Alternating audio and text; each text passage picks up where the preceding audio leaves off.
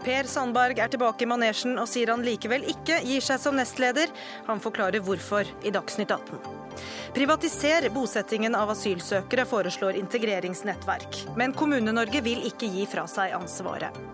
Høyre-representanten Stefan Heggelund omfavner fagbevegelsen og angriper i samme slengen Arbeiderpartiet for gudekompleks.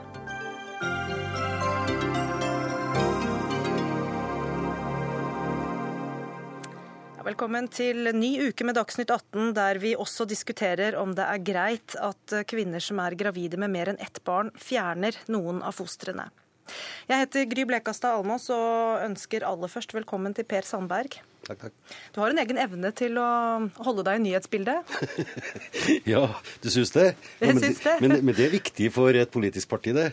Ja, at, man har, at man har folkevalgte tillitsvalgte som har en evne til å så, eh, komme i, media og presse. Ja, og Den evnen har jo du, og du skapte store overskrifter for eh, omtrent tre måneder siden, da du sa at du i hvert fall ikke ville sitte i regjering, og heller ikke fortsette som nestleder. Mm. Og i dag er du her for å si at eh, jo da, du har lyst til å fortsette som nestleder likevel. Ja. Hvorfor har du ombestemt deg? Jeg har orientert eh, sentralstyremøtet om det i dag, og eh, masse gode tilbakemeldinger, og, det er jeg glad for. Nei, det, det er forskjellige årsaker, men, men nå forstår jeg sånn som at NRK tar litt av æren. da. Fordi at jeg var her på Politisk kvarter på torsdag, og det var liksom det som har spira til ny motivasjon, for det var så morsomt å være her. Ja, var det det? Ja, ja, det er klart at vi, vi trives selvfølgelig alle når vi får lov til å, å være til stede og presentere Fremskrittspartiets politikk. Men, men i fjor høst så var jeg tom. Batteriene var tømt. Eh, Så ikke noe, hadde ikke motivasjon, var ikke inspirert på noen slags måte til å gå videre. Eh, Og jeg mener jo fortsatt at det var en riktig beslutning av meg da. Eh, Når jeg ser hva våre statsråder og vår regjering leverer av politikk, så var det i hvert fall helt riktig at jeg ikke gikk på som statsråd. Eh, For jeg hadde ikke greid å levere i nærheten av det våre statsråder gjør i dag. Langt over forventa. Så er det det andre at jeg har hatt tre måneder der at jeg har hatt eh, ikke minst eh, tre uker flott ferie med familien. Der at jeg har trena hver eneste dag. Bare det i seg sjøl skaper motivasjon. Eh, Så jeg har fått tilbake noe av gløden. Og så er jeg ikke komitéleder lenger, Eh, så jeg har tid til overs i forhold til det som har vært eh, presset de siste åtte årene. Så er det det at når du, når du kjenner på at nå skjer det mye bra. Og det er klart at Å få lov til å være med nå framover, særlig fram mot valget i 2015, der at våre statsråder skal levere politikk hver eneste dag, og jeg vet hva som kommer, og det blir morsomt å være Frp-er når vi skal selge gode politiske saker fra smått til stort. Enda mer skattelette, enda mer vei. Masse gode saker kommer nå framover, og det vet jeg. Særlig men på justisfeltet. Men visste du ikke det da dere gikk inn i regjering og du satt der og var med på å jobbe fram denne samarbeidsplattformen? Trodde du ikke på det da? Jo da, og det, det er det som er så artig. For det har jeg sagt også, det som er avgjørende for Fremskrittspartiet i denne regjeringa, det er å levere all politikken som ligger i plattform og avtale. Men all politikken ligger ikke i plattform. All politikken ligger ikke i avtale heller. Det er masse politikk utafor der plattformen eh, og i avtalen, og det kommer mye mer enn det som ligger der også. Så er det sånn at når du har vært med så lenge, da, og du føler at du får tilbake litt kraft og motivasjon, så jeg kan ikke se for meg noe mer morsomt nå å få lov til å være med fram mot 2015 og selge all den gode politikken. Så tror jeg at er det noe parti som er avhengig av å kommunisere ut politikk, så er det Fremskrittspartiet. Og så kan jeg tillate meg da, som trønder å si at jeg har litt sjøltillit på det feltet. da. Jeg tror faktisk at, eh, at jeg framover mot 2015 kan bidra til å kommunisere ut Fremskrittspartiets politikk som skal leveres hver eneste dag framover. Du sier det er morsomt å være med, men hvor morsomt syns du dette er for de som da seilte opp som nestlederkandidater og trodde at den plassen skulle bli ledig? Jeg har fått tilbakemelding fra flere av dem som var aktuelle kandidater. Det er et luksusproblem vi har. Og, og, og det er jo ikke sånn at Per Sandberg varer evig heller, da. Og vi skal jo gjøre noen valg på, på landsmøtet vårt i år også. Eh, Så toget har ikke gått for noen kandidater som har ambisjoner om å bli nestledere i Fremskrittspartiet. Men forstår du de som oppfatter deg som vinglete? Ja, ja det, det skjønner jeg. Og det har jeg også beklaga overfor eh, for partiet i dag, for at det kan virke sånn. Eh, så, det eneste jeg kan gjøre med det, er at jeg beklager at jeg skapa noe forvirring. Men heldigvis da, så, så har jeg i hvert fall sagt ifra nå, da, før at valgkomiteen har konstituert seg. For det er jo ingen som er forespurt på noen slags måte ennå i forhold til om man tar gjenvalg eller om man fremmer kandidater. Så den prosessen er ikke iverksatt ennå, heldigvis. Men hvordan skal eh, partikolleger og velgere kunne stole på at styrken som du nå har funnet igjen, eh, holder videre, når du da har eh, vist en eh, tendens til å kunne bli utslitt? Kan du ikke bli det igjen? Nei, vet du, det er det nå har, eh, også det er viktig. fordi at eh, jeg har prioritert annerledes i tre måneder mye mer tid sammen med familien. Som jeg bruker å si at jeg har vel levert eh, lille Jakob i skolen flere ganger de tre siste månedene jeg har gjort de siste to årene. Jeg har fått aksept for å, å ha hjemmekontor og jobbe mer hjemmefra. Sånn at jeg kan være til stede hos Jakob noen ganger i større grad. Og det å få lov til å ta meg for å jobbe hjemmefra for å være med på fritidsaktiviteter med, med Jakob. Så det har jeg fått en aksept for i partiet, og den type prioriteringer vil jeg gjøre framover også. Eh, men, men, det er jo at når du har overskudd der, og at du har motivasjon til å være med for å selge politikk, det er jo det som er viktig for meg nå. Sylvi Listhaug, du er altså eh, valgt inn som sentralstyrets representant i, i, valgkomiteen, og som da etter planen skulle innstille ny nestleder i mai.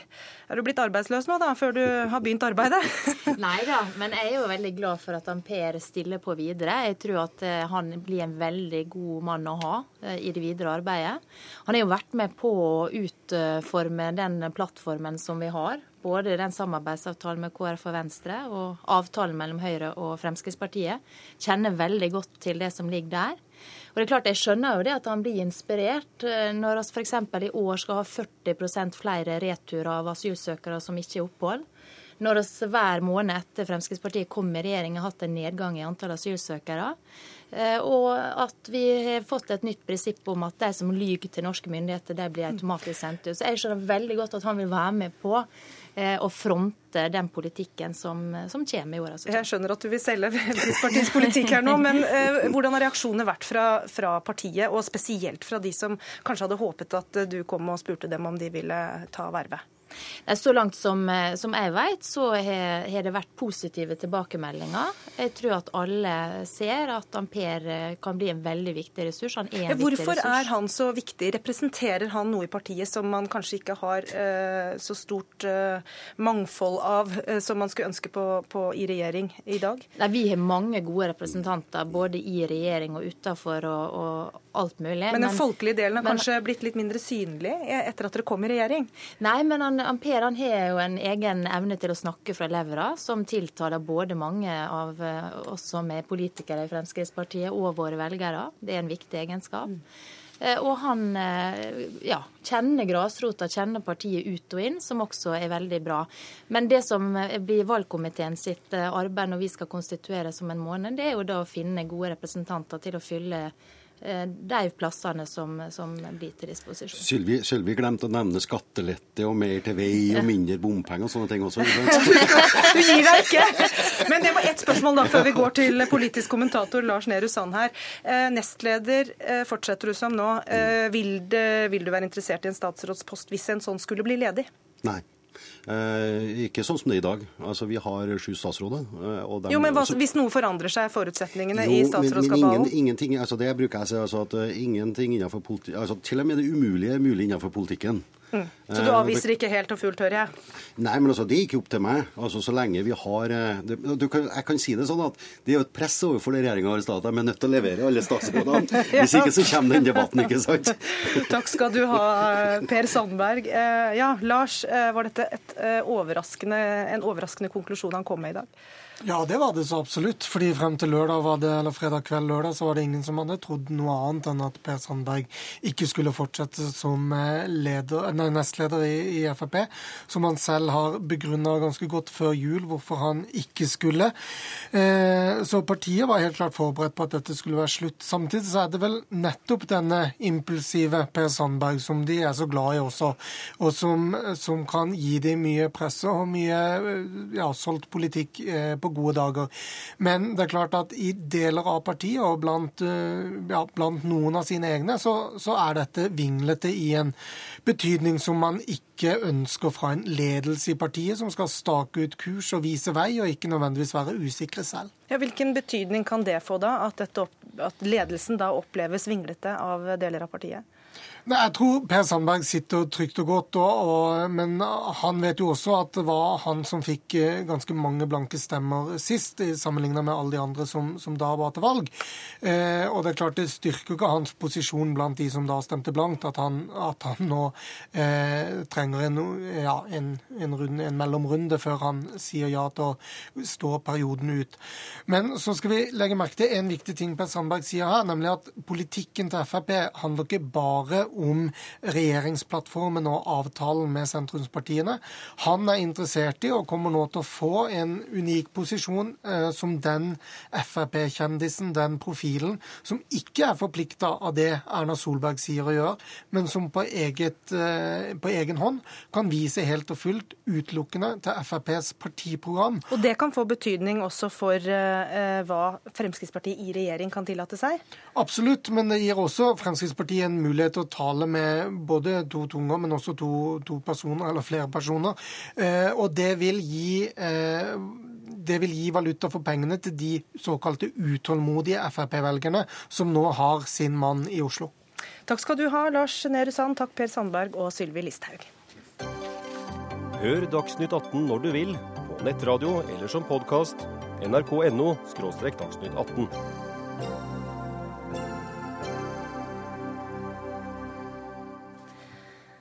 Skal kvinner som er gravide med mer enn ett barn, få lov til å fjerne ett eller flere av fostrene? Det er neste spørsmål her i Dagsnytt 18. For eh, i dag har NRK fortalt at noen norske kvinner som er gravide med tvillinger, reiser til utlandet for å fjerne ett av fostrene, fordi de ikke makter tanken på mer enn ett barn. Per i dag sier abortloven ingenting om lovligheten av dette i Norge, men regjeringen jobber med en klargjøring av lovverket. Og Trond Markestad, eh, du er professor i barnemedisin tilknyttet flere ulike sykehus. Du mener at regjeringen bør tillate dette. Hvorfor det? Ja, For det første så vil jeg si at uh, dette belyser hvordan rask utvikling av ny teknologi setter både kvinner, foreldre og oss fagfolk, og ikke minst samfunnet, overfor helt uventede etiske problemstillinger. Jeg vil ikke ta et helt konkret standpunkt nå, men dette trengs å diskuteres. Fordi at uh, Man må spørre seg hvorfor har de reist utenlands. Uh, jeg syns det at det blir for enkelt å si at det skal forbys. Når vi samtidig vet at, uh, at før tolvte svangerskapsuke så har de selvbestemt abort. Og Da blir det for enkelt å si at ja, du kan få abort, men du får ikke abort på det ene. Når det er fra tolv uker, så må du opp i en abortnemnd. Og Da mener jeg at disse kvinnene har krav på å bli hørt av abortnemnden, og at man der på en måte avklarer om det er noe god begrunnelse for om hun skulle få, få det. Jeg tror ikke at det blir et stort rush på kvinner som ønsker å fjerne et av fostrene i, i tvillingsvangerskap. Men jeg kan tenke meg det når det er trillinger og firlinger, f.eks. etter hormonstimulering, så kan dette, øh, øh, denne saken melde seg. Og da har de krav på å bli hørt. Det er mitt standpunkt. Men hvis jeg forstår deg riktig, så sidestiller du da slike aborter med holdt på å si det vi vil kalle vanlige aborter, så lenge det er innenfor en tolv ukers grense?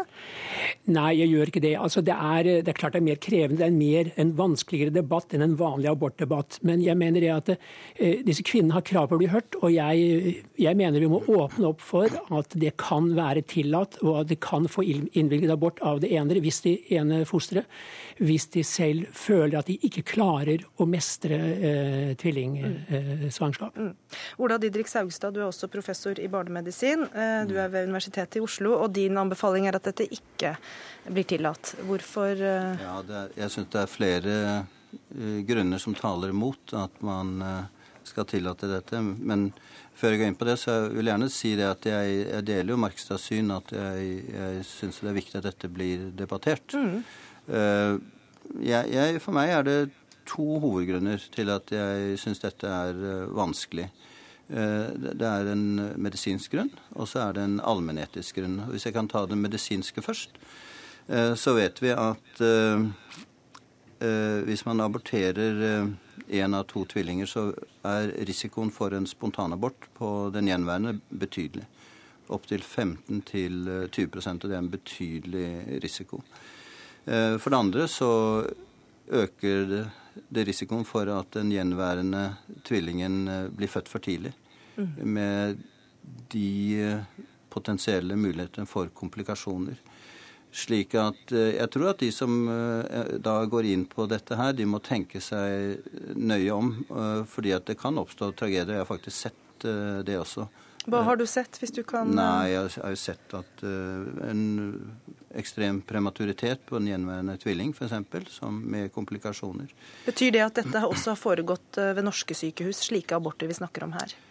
Vi vet at det har vært foretatt eh, også i Norge, men i relativt lite omfang. Eh, så det er noe av det medisinske. Eh, men så er det det mer allmennetiske. Og når det gjelder abortloven, så dreier den seg om, så vidt jeg forstår den, at kvinnen skal ha rett til å bestemme om hun vil gjennomføre en graviditet eller ikke. Det er ikke uten videre sagt at hun skal ha samme rett til å bestemme om hun skal selektere eller ikke. Ehm, flere politikere har jo eh, tvert om understreket at det ikke har vært hensikten. F.eks. man skal ikke få lov til å selektere ut et foster som har i anførselstegn galt kjønn. Ehm, denne praksisen her, hvis den eh, kommer til, så vil det bli en ekstrem seleksjon. Du altså, mener at det åpner for det også? Det kan åpne for det. Eh, og den debatten vi har hatt om sorteringssamfunnet, f.eks., om Downs syndrom, det blir bare en, en småkrusning i forhold til hva vi kan vente oss her. fordi at uh, kvinnene vil etter hvert be om å få en full uh, kromosomtesting, en gentesting av fostrene. Det vi ser i, i utlandet, på, slik at man er sikker på at man uh, aborterer den som er minst frisk, eller hva jeg skal kalle det. Jeg tror Markestad, Deler du den bekymringen? At man her kan begynne å, å, å ta bort det kjønn man ikke vil ha, f.eks.? Nei, det er en helt annen debatt. Husk at det her debatten, det som var det opprinnelige grunnlaget for abortdebatten, det at det blir en så stor byrde at man ikke klarer det. Det er ikke snakk om å selektere på kjønn. Det er det ingen steder i verden at det er lovlig å selektere på kjønn. Og så er jeg enig med Saugstad, dette med det medisinske. Enhver etikkdebatt må, må begynne med hva er faktagrunnlaget. Og det er klart En kvinne, en familie i denne situasjonen, de har krav på nøyaktig informasjon. Hva som er den medisinske fordelen eller risikoen ved et slikt inngrep. Og så må den kvinnen da måtte ta stilling til det. Og så er Det også det da, det er nok mye større risiko å gjennomføre en svangerskap med trillinger og firlinger enn med et enkelt foster etter at man eventuelt har, har selektert vekk de andre. Og Det er også visse eh, tilstander med tvillinger der det også er nokså stor risiko ved en tvillingsvangerskap i seg selv. Der det kan også være en medisinsk uh, si, fordel i anførselstegn. Da. Men jeg, vil, eh, jeg tror at det, Eh, dette er, har nok noe likhet med dette med å få abort, til, eh, få abort på grunnlag av at det er påvist noe feil med fosteret. For det er også begrunnelsen det for folk flest, at det, det blir en stor belastning. Eh, større belastning enn med, med et friskt barn. Og også det at veldig mange foreldre i den situasjonen sier at i tillegg da, at de har vanskelig for å se for seg at barnet vil få et godt liv. Men igjen, igjen så må vi bygge på Vi må lytte til kvinnen. De må ha god informasjon. De må, tenke, de må, de må få en samtale med noen de har dyp tillit til, og som har god medisinsk kunnskap. Og så har de krav på å bli lyttet til, og så får man komme frem til noe etter det. Ja, Saugstad, ville det ikke da på en måte vært tryggere om man kunne tatt både den informasjonen og samtalene rundt det eh, her hjemme i Norge, eh, når eh, kvinner da føler at det blir, blir for mye med to eller flere barn. Eh, jo, jeg er enig i det. Og selvfølgelig skal vi lytte til eh, kvinnen merkes Eh, det, det, er ikke det. Og jeg tror egentlig selvfølgelig at du blander sammen to ting. fordi at abort på en medisinsk indikasjon det er vel veldig lite kontroversielt i Norge. Så det er ikke det det dreier seg om. Men, men det dreier seg om et nytt prinsipp, egentlig. og men det er vel ikke nytt at en kvinne kanskje føler at dette barnet kan bli for mye? Om det da er det ene barnet, eller om det er det at du har noen for mange i magen? Nei, kanskje ikke. Det er begge deler. Men eh, det man jo risikerer, er jo at man eh, måte Et foster kan bli en forbruksvare, ikke sant? Det er en, en slags sånn eh, Hva skal vi si En ekstrem situasjon man kan komme opp i. og det er ikke gjort studier i utlandet på hvordan dette kan påvirke f.eks. kvinnene kvinner som går gjennom dette. Vi nærmer oss slutten her, Markestad, ja, men, men det... her hører vi at foster som forbruksvare, er det ikke noen ja. ting naturen må få gå sin gang med? For Absolutt. Men det blir litt eh, ovenfra og ned av det sier at vi vet ikke hvordan du vil takle det mentalt senere. Vel, det må vi diskutere med kvinnen. Og så må kvinnen på en måte kunne ta et selvstendig eh, ansvar. Og det, på meg blir det for enkelt, for å si det sånn, å si at det, det er helt greit å ta abort, ikke sant? men hvis du vil ta abort bare på det ene barnet, da er det totalt uakseptabelt. Det blir for enkelt. Man må lytte til kvinnen og høre hva som jo, er begrunnelsen. Men, men, men Markstad, ditt syn blir også veldig enkelt. For dette er veldig komplekst. Og det er veldig viktig nå at politikerne kommer på banen. Og det er faktisk tolv år siden det fostermedisinske miljøet i Norge ba om det. Uten at vi har fått et svar mm. fra politikerne. Nå skal politikerne diskutere dette her og komme fram til noe. Eh, vi må runde av der, men vi har i hvert fall satt debatten i gang. Takk til Trond Markestad og Ola Didrik Saugstad.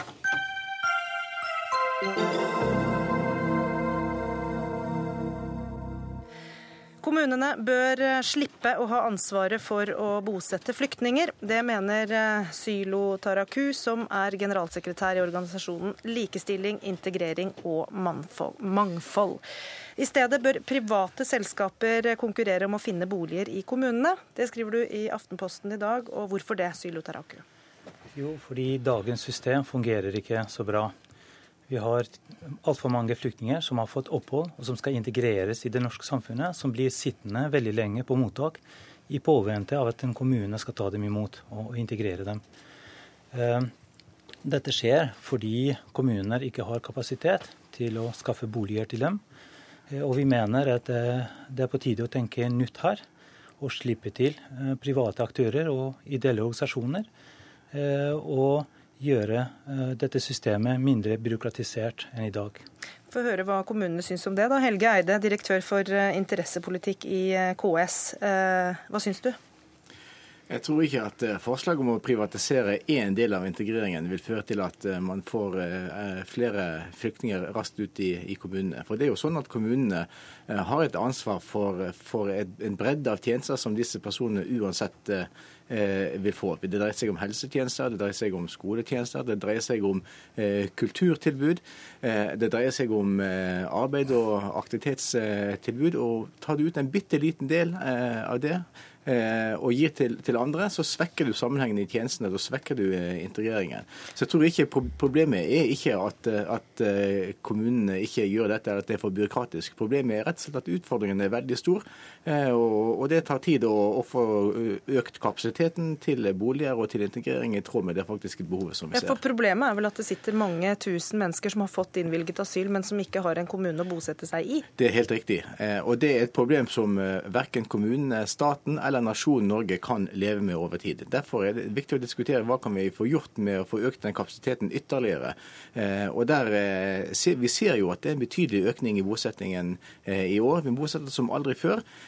Men når vi ser den samtidige utviklingen i personer som har behov for tjenester, så er det ikke godt nok. Derfor må vi stå på innenfor den modellen som egentlig fungerer veldig godt i dag, men som vi har behov for å ytterligere øke kapasiteten på for å få folk raskt ut i kommunene. Tarako, du hører her at de er på rett vei, men hvorfor mener du at det er private som skal overta når utviklingen da går den riktige veien?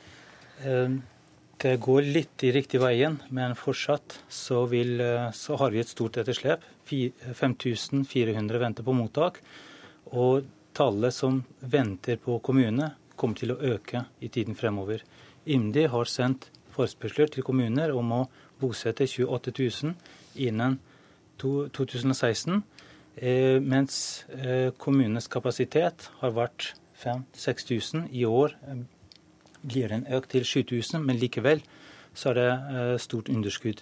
Men selv om private går inn og finner boliger, så skal de jo bo i en kommune og er avhengig av et totaltilbud som kommunen eh, ja. i bunn og grunn må eh, tilby? Ja, vi snakker her om boliganskaffelse, først og fremst. Hvis, eh, det, det, jeg foreslår, bygger på mottakssystemet vi har. Mm. Husk at det kommer ca. 10 000 asylsøkere årlig. Og eh, ankomstene varierer veldig. Eh, men UDI klarer å innkvartere alle, alle sammen veldig kjapt. Dette er fordi oppgaven er satt ut på anbud. Det er private aktører, det er ideelle organisasjoner og enkelte kommuner mm. som gjør dette. Så de menneskene som venter nå på kommuner, de, de, befinner jo seg i kommuner. De er jo i kommuner rundt omkring. De, de, de er jo i boliger. Men systemet er slik at det skal skje en overføring av ansvar fra staten og over til kommuner. Mm. Så istedenfor å begynne integreringsprosessen med en gang, så må de sitte og vente på å få seg en ny bolig. Eh, og til kommunene blir eh, i stand til å tilby dem introduksjonsprogram osv. Med det, eh, den modellen som vi foreslår, den, den, modellen vil være mer integrert. Dvs. Si at mange av de flyktningene vil ikke nødvendigvis bli flyttet fra de boligene de befinner seg i nå. Eh, for de er allerede tilknyttet et lokalt miljø. Mm. De kan starte integrering med en gang.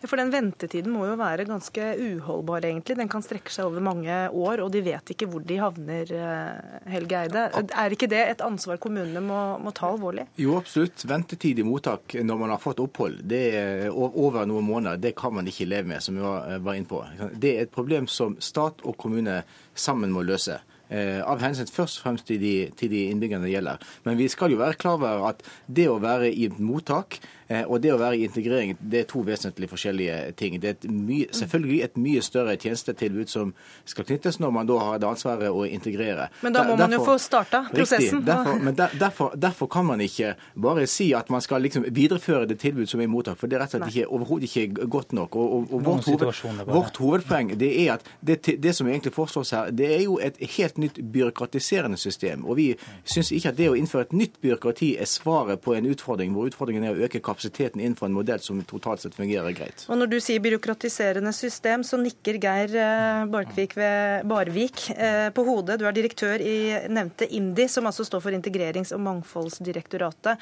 Og dere har ansvaret for dette sammen med kommunene i dag. Hva tenker du om eh, forslaget som kommer her? Det mest interessante med forslaget er jo at kommunene bør være veldig bevisst på å bruke andre aktører når de jobber med å skaffe boliger, når de, eh, når de jobber med å få etablert eh, flyktningene i kommunene så raskt som mulig. Delta, delta arbeidslivet, kontakt med privat eh, arbeidsliv. Det er, det er et potensial som kommunene kan ta ut enda mer, og det liker jeg med det utspillet som du har kommet med. Men jeg er veldig bekymra når det blir reist et spørsmål om eh, det skal være andre aktører enn kommunen som skal ta ansvar i forhold til at vi lykkes med integreringen av Norge. Det er bare én mulighet til å lykkes, og det er at kommunen tar et sterkt eierskap og tar lederskap i forhold til de prosessene, i forhold til norskopplæring, i forhold til kvalifisering, og at de kommer så raskt som mulig ut i jobb og kan delta i samfunnet.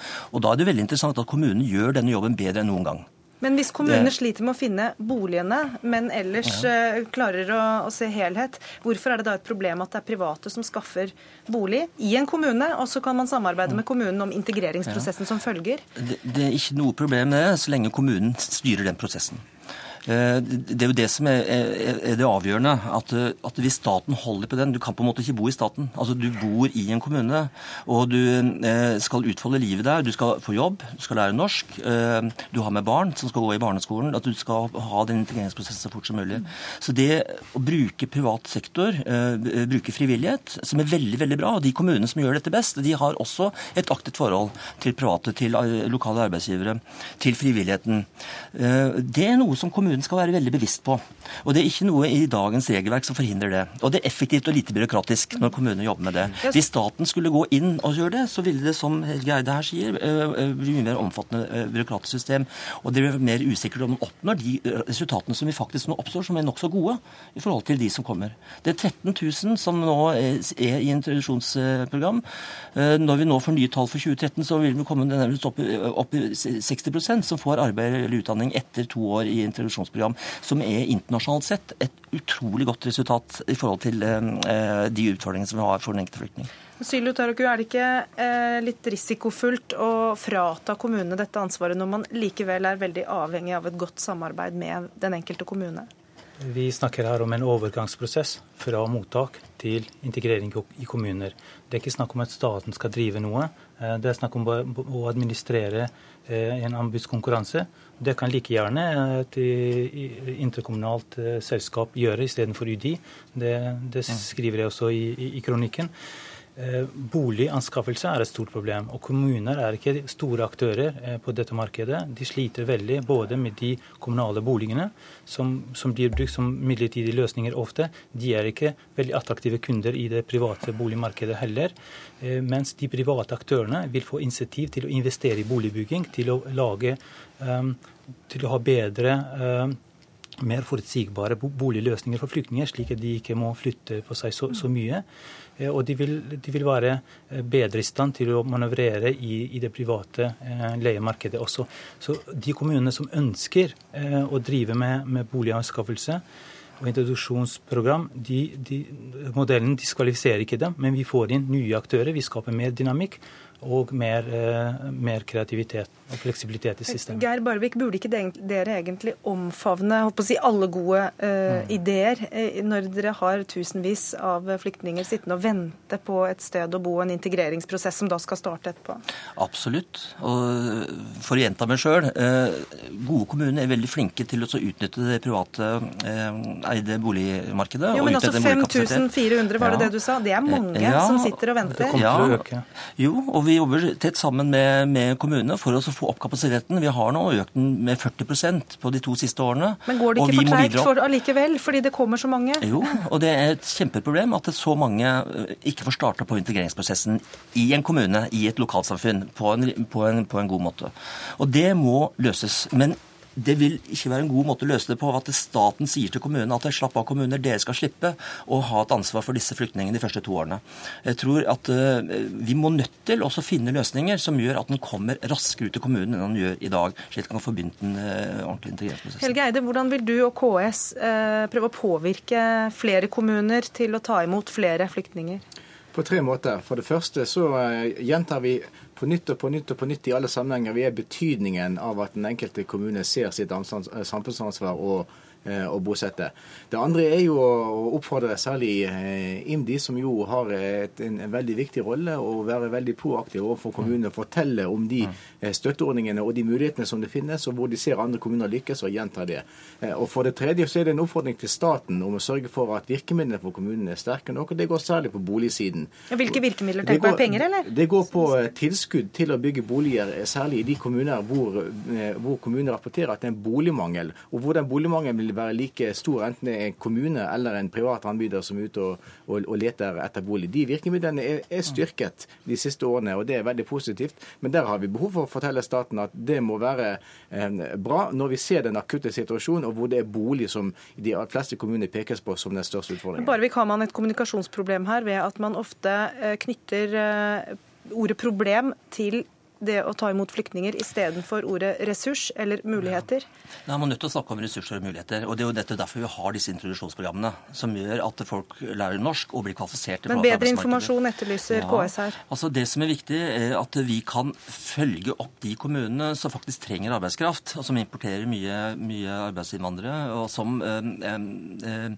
på en måte ser at det å bosette flyktninger, det er en ressurs. Mm. Og hvis de hvis alle kommunene hadde gjort som de 100 beste, så ville det ikke vært en eneste som sitter i kø i mottakene i dag. Fordi det er stadig flere kommuner som ser at dette er noe som man eh, skal uh, bruke enda mer ressurser på og satse mer på. Hva, Nettopp ikke som et problem. Hva tror du etter denne diskusjonen, eh, Sylu Taraku, blir det noe bedring her? Jeg tror vi må snu noen steiner for at det skal bli bedre. Vi, uh, år etter år så klarer man ikke å oppnå målene med å bosette barnefamilier innen tre måneder etter at de har fått opphold, og de andre etter seks måneder. Uh, og her må vi ha Eh, andre aktører inn for å skape litt bedre dynamikk. Takk skal du ha, Sylo Taraku. Takk også til Helge Eide i KS og Geir Barvik i Integrerings- og mangfoldsdirektoratet.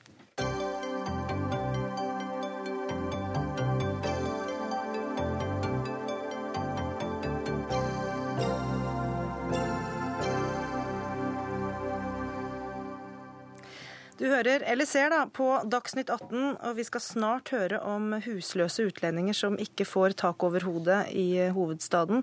De har valgt å komme til Norge og må ta ansvar selv, svarer helse- og sosialbyråd i Oslo kommune. Men først Så sier jeg fagbevegelsen, fagbevegelsen, fagbevegelsen. Som generalsekretær i Arbeiderpartiet kom Martin Kolberg med denne omfavnelsen av eh, fagbevegelsen i 2005. I dag er det Høyremannen Stefan Heggelund som omfavner den samme fagbevegelsen i en kronikk i VG. Og hvorfor denne omfavnelsen? Vel, Det er jo en kjensgjerning at det uh, som regel er politikere til venstre, som Martin Kolberg, som gir honnør til fagbevegelsen. Jeg mener at uh, sånn trenger det ikke å være, all den tid vi som er konservative, vi er veldig opptatt av verdier som mangfold, som fagbevegelsen representerer, maktspredning, som fagbevegelsen representerer. Og så er det jo sånn da at LO i år fyller 115 år, YS har snart 40-årsjubileum. og Da tenkte jeg at det var en grei anledning til å gjøre opp status og se litt på den viktige betydningen som fagbevegelsen har hatt for Norge. Men du klarer ikke helt å la være å kritisere Arbeiderpartiet eh, og Martin Kolberg, som du sier eh, i kronikken din at overspiller Arbeiderpartiets rolle mm. i det fagbevegelsen har oppnådd. Hva mener du med det? Nei, med det mener jeg eh, at Arbeiderpartiet, når vi snakker om, når Arbeiderpartiet f.eks. snakker om den norske modellen, når Arbeiderpartiet slik de fremstiller den norske politiske historien, de prøver å ta eierskap til alt sammen. Og det mener jeg ikke er riktig. Da mener jeg at man gjør to kardinalfeil. Det ene er at man ignorerer det politiske felleseiet som Norge faktisk er, tverrpolitisk mellom alle partiene. Eh, og det andre er at man, selv om Arbeiderpartiet formelt har hatt tette bånd til fagbevegelsen, så glemmer man en av fagbevegelsens aller største styrker, nemlig det politiske mangfoldet som er i fagbevegelsen. Og at det faktisk er en bevegelse som har funnet felles interesser for veldig mange forskjellige mennesker, uh, uansett partitilhørighet. Vi hører da Martin Kolberg om du overspiller. Hva syns du sjøl? Nei, på ingen måte og absolutt ikke. Og jeg... Uh det kan jo tilsynelatende se slik ut når du leser en artikkel at plutselig så, og endelig vil jeg si, at vi har fått en ny generasjon høyrefolk som uh, mener noe annet enn fagbevegelsen enn alle før dem. Men uh, jeg må dessverre si, og da legger jeg vekt på uttrykket dessverre si, at jeg tror at Heggelund har helt andre hensikter. Og det kommer tydelig fram allerede her nå. Uh, hans hensikt er å skryte av fagbevegelsen, for så å angripe Arbeiderpartiet. Og eh, Denne hensikten og denne teknikken har jo eh, Civita og høyresida og NHO eh, brukt lenge. Delvis for å hvitvaske sin egen meget triste og dramatiske historie i forhold til Høyre, nei, forhold til fagbevegelsen, unnskyld. Og delvis for å marginalisere den fantastiske innsatsen som Arbeiderpartiet og fagbevegelsen har gjort sammen. Ja, kan du ikke bare anerkjenne at Arbeiderpartiet har eh, gjort mye for å skape den fagbevegelsen som du nå eh, skryter av og syns er bra? Det ville vært historieløst av meg å ikke anerkjenne Arbeiderpartiets rolle i utviklingen av Norge og i fagbevegelsen. Så det gjør jeg. Men eh, det er også historieløst eh, å si at andre partier ikke har hatt en del av den politiske utviklingen vi har i Norge, og at andre partier ikke har vært en del av, og også en viktig del av, av fagbevegelsen. Jeg har en helt uh, ærlig holdning til dette i det innlegget jeg skriver i dag.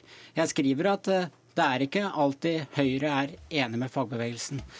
Eh, men eh, det er jo en god ting. Det er jo ikke et mål at man alltid er enig. Politisk uenighet det gir politisk diskusjon. Det gir utvikling. Motsatt ser vi i Arbeiderpartiet. Stagnasjon, idétørke, opprettelsen av en fjerde nei, tenketank på venstresiden fordi de ikke klarer å tenke internt i partiet. Så jeg mener at den politiske dynamikken som eksisterer når det er uenighet, den er veldig verdifull. og Derfor så syns jeg det er bra at fagbevegelsen og Høyre er enige om mange ting, men også uenige om noe. Og jeg syns kanskje han er litt for var på sitt eget partis vegne. Eh, og han burde jo heller bare være fornøyd med at vi kan være enige om den viktige rollen fagbevegelsen faktisk spiller i Norge. Ja, jeg gikk til denne samtalen med den tanke at eh, jeg skal eh, legge godviljen til når eh, min kollega Heggelund nå har skrevet den har skrevet, men nå legger jeg silkehanskene vekk etter det innlegget der. For det er, det er jo helt typisk nå for hvordan de opptrer. Og det som jo er sannheten, det er at Høyres historie i forhold til fagbevegelsen er en jammerdal. Det er det som er sannheten. De har motarbeidet med alle korsveier det som har vært fagbevegelsens interesser, og hva fagbevegelsen har stått for. Og Heggelunds eh, forgjengere har angrepet det norske Arbeiderpartiets historiske samarbeid med fagbevegelsen på helt grunnleggende måte. Jeg har ikke tall på de gangene jeg har vært i dette studiet og diskutert med Heggelunds tidligere kolleger om eh, nettopp dette. Hva har da vært tonen? Jo, at dette samarbeidet har vært en form for korrupsjon, det har vært politisk uryddig, det har vært maktforskyvning, det har vært en, en undergravning av demokratiet, det har vært alle disse frasene argumentene som høyresiden har slått om seg gjennom alle år. Nå påberoper han seg og sier at ja, dette er bare et uttrykk for uenighet. Nei, altså ærlig oppriktig talt. Denne regjeringen her har nå allerede nå rukket f.eks. å forandre permisjonslegene slik at fagorganiserte, norske arbeidstakere, får sparken istedenfor å bli permitterte. Det er det første angrepet de har gjort siden de tok over. I forrige periode så var det 19 forandringer av arbeidsmiljøloven til fagbevegelsens fordel. Høyre stemte imot 17 av dem. Hadde vi både i den lange og i den korte historien vært i nærheten av det som Heggelund nå forsøker å forfekte intellektuelt, så hadde det vært noe i det. Men dette er en form for, for historieforfalskning, og det er en form for eh, prosedering på politikk som ligger utenfor det som er virkeligheten. Og vi kan bare ta en prøvelse på det, og da kan eh, alle journalister og alle følge med på det. Neste nappetak som vi får i Stortinget, som kommer ganske snart, så regner jeg med at Heggelund vil stå skulder og skulder med meg og mene det som fagbevegelsen sier. Når han har gjort det, og stemt imot sin egen regjering, da skal jeg begynne å respektere for det han sitter her og prosederer. Inntil da null respekt. Heggelund har en lang liste her med historieforfalskning, og det er hvitvasking, og du har mye å svare for her nå. Ja, jeg syns man skal være veldig forsiktig med å bruke ord som historieforfalskning når man faktisk sitter og prøver å ha en sivilisert debatt to voksne mennesker imellom. Men har han ikke men, et poeng med si... at historien nei, viser noe annet enn det sånn, du prøver å beskrive nei, i dag? Nei, gjør ikke det. Og jeg kan nevne Jeg kan trekke opp eh, frem historiske eksempler av hatten.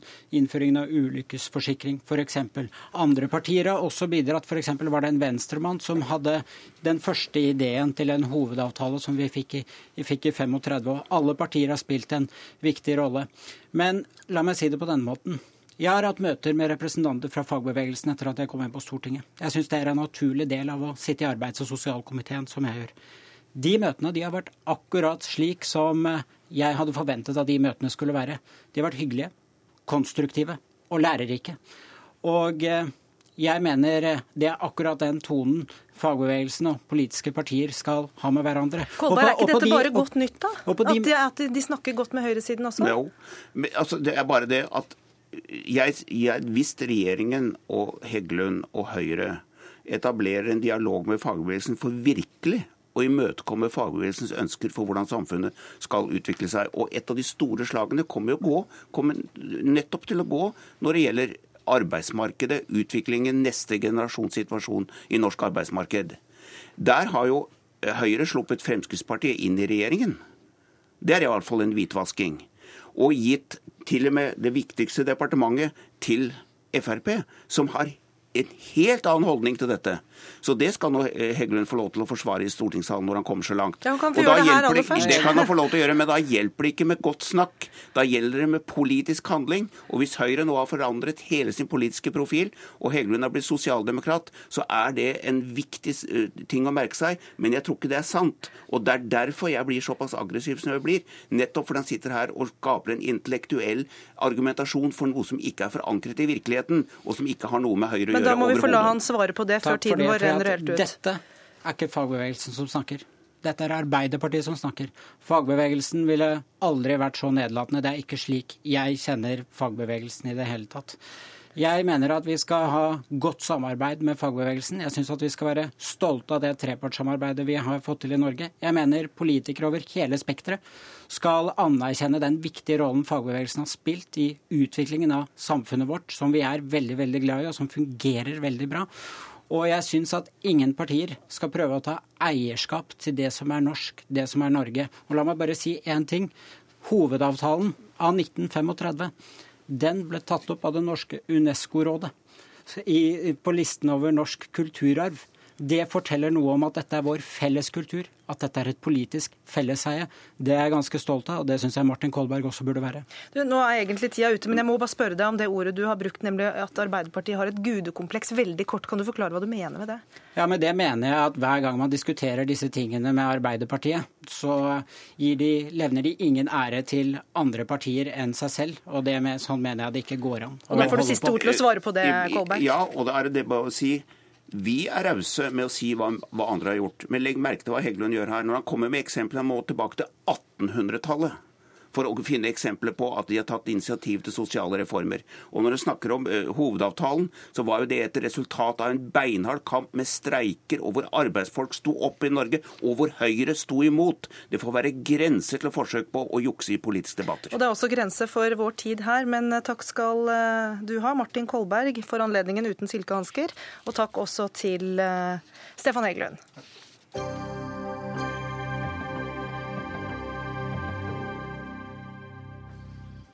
Husløse i eh, Oslo blir avvist fordi kapasiteten på det ene overnattingstilbudet som holder åpent, er sprengt.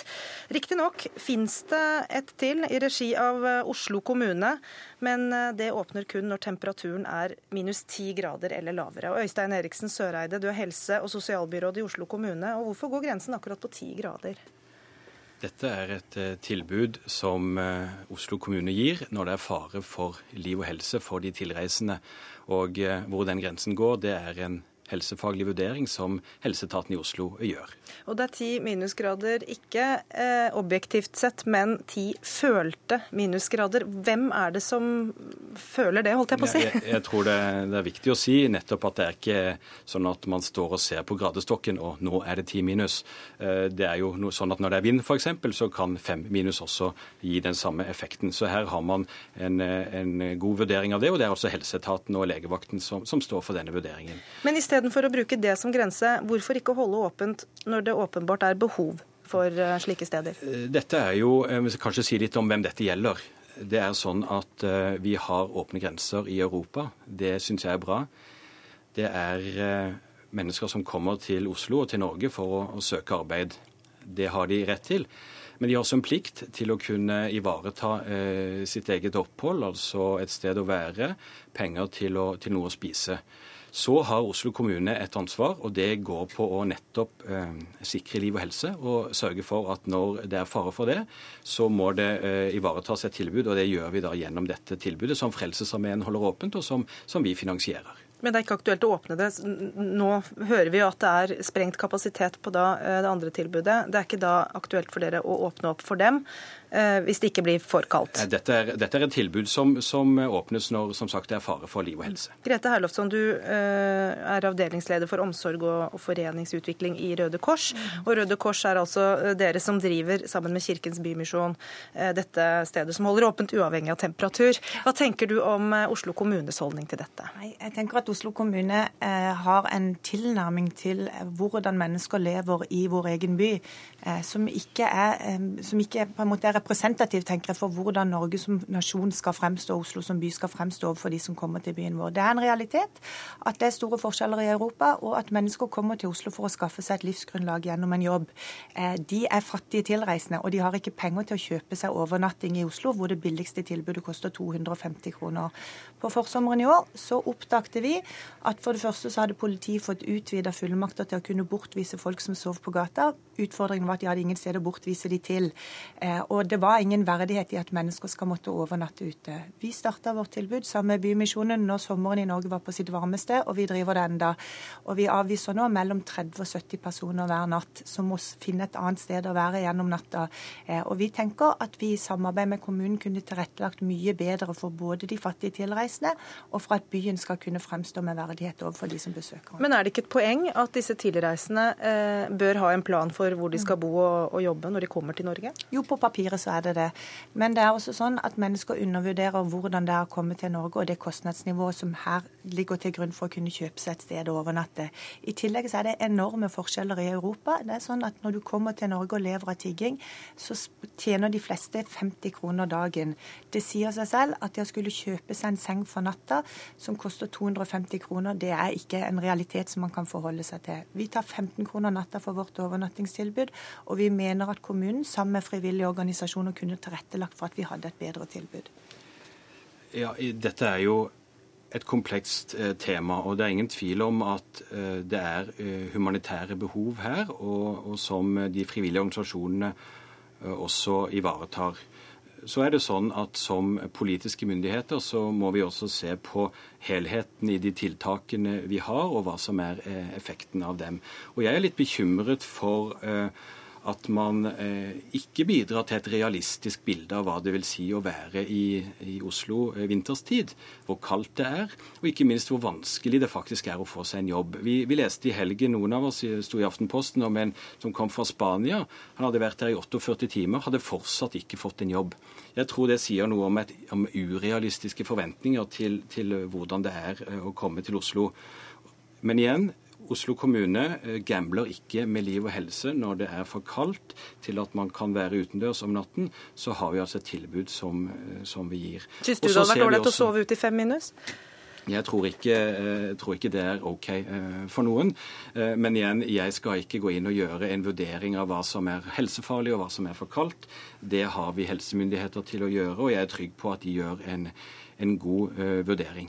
Men Herlofsson, er det ikke et poeng at en politiker uh, er nødt til å ta hensyn til det overordnede bildet her òg, sånn at ikke alle kommer til Norge uh, for å prøve å få seg en jobb? Jeg tror det er kanskje viktig å avlive, avlive noen myter som vi hadde på forsommeren før vi starta vårt tilbud. Da var debatten rundt dette sånn at folk sa at hvis vi tilrettelegger for denne gruppa, så kommer vi liksom til å bli nedrent. Alle vil til Oslo for å kunne overnatte for 15 kroner eller gå på toalettet. Det er ikke realiteten. Det er ikke kommet flere fattige tilreisende til Oslo, selv om vi har tilrettelagt for at de kan overnatte under verdige former. Sånn det er ikke sånn at dette er et tilbud som gjør det spesielt attraktivt å være i Oslo.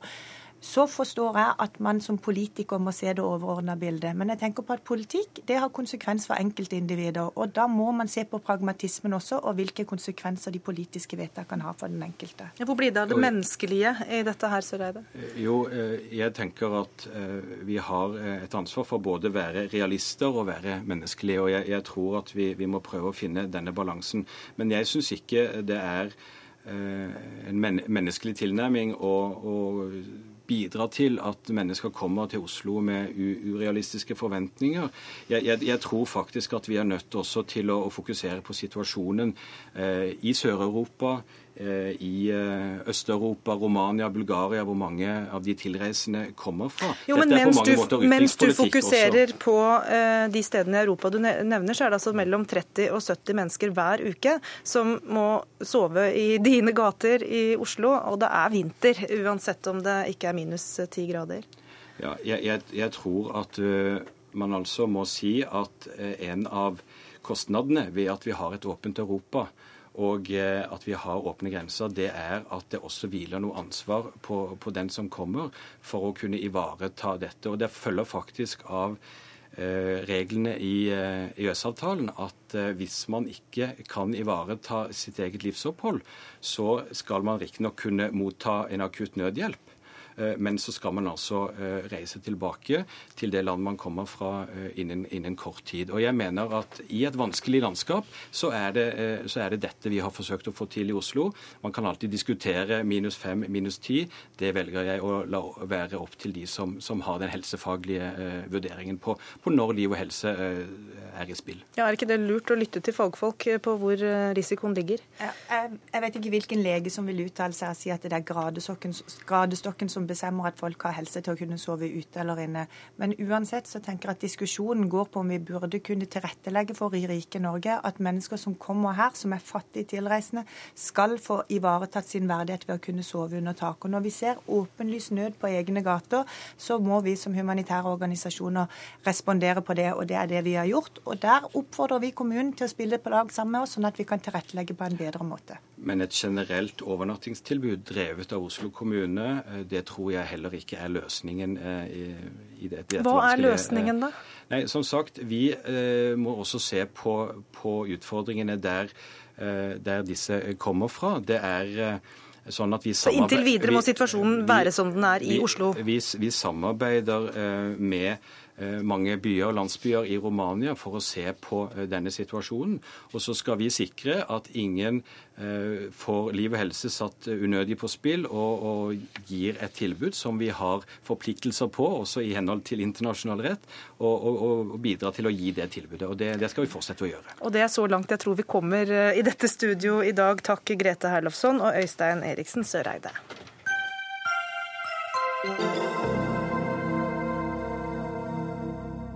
Da får vi NRK-medarbeider Tom Christiansen inn i studio, for i dag ble testamentet til Nelson Mandela offentliggjort. Den sørafrikanske frigjøringshelten etterlot seg et dødsbo verdt eh, over 25 millioner eh, kroner. Og Tom, der sitter du med en kopi av det testamentet. Hva står det? Ja, Det står jo Nelson Mandelas signatur på hver side her. Men det er altså liste opp og liste ned av navn på folk som skal få noe. Hvem skal få 25 000? Det er barnebarna som skal få 25 000. Og døtrene får eh, da mye mer. Og Grasa Marcel, enka, hun skal få halvparten. Men, så, men det viktigste her for noen, det er jo at den videregående skolen i Kunu, hvor Nelson Mandela gikk på skolen, de skal få penger. Og noen universiteter skal få penger til Og det det står, er at det skal ikke gå til eh, universitetet som sådan, men til stipend for elevene. Så det er altså masse ungdommer i Sør-Afrika som heretter skal gå på skolen betalt av Nelson Mandelas stipend.